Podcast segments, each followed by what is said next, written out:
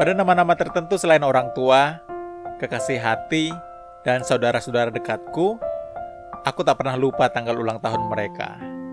Tercatat rapi di halaman buku ingatanku.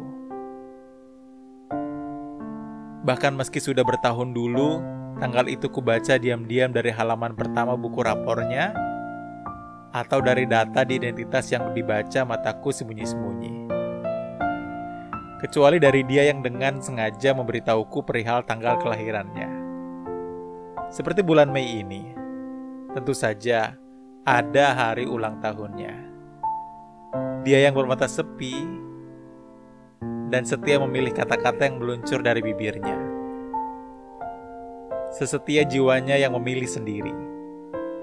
Memelihara kenangan demi kenangan tentang namaku, seteguh aku yang juga menyimpan nomor handphonenya.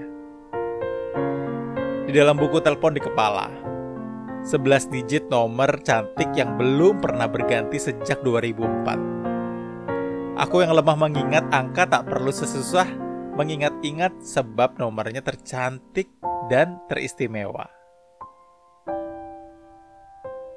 Mengalahkan ingatan tentang tanggal berapa dia lahir di bulan Mei. Itu yang selalu membuatku ragu-ragu untuk mengirim selarik pesan selamat.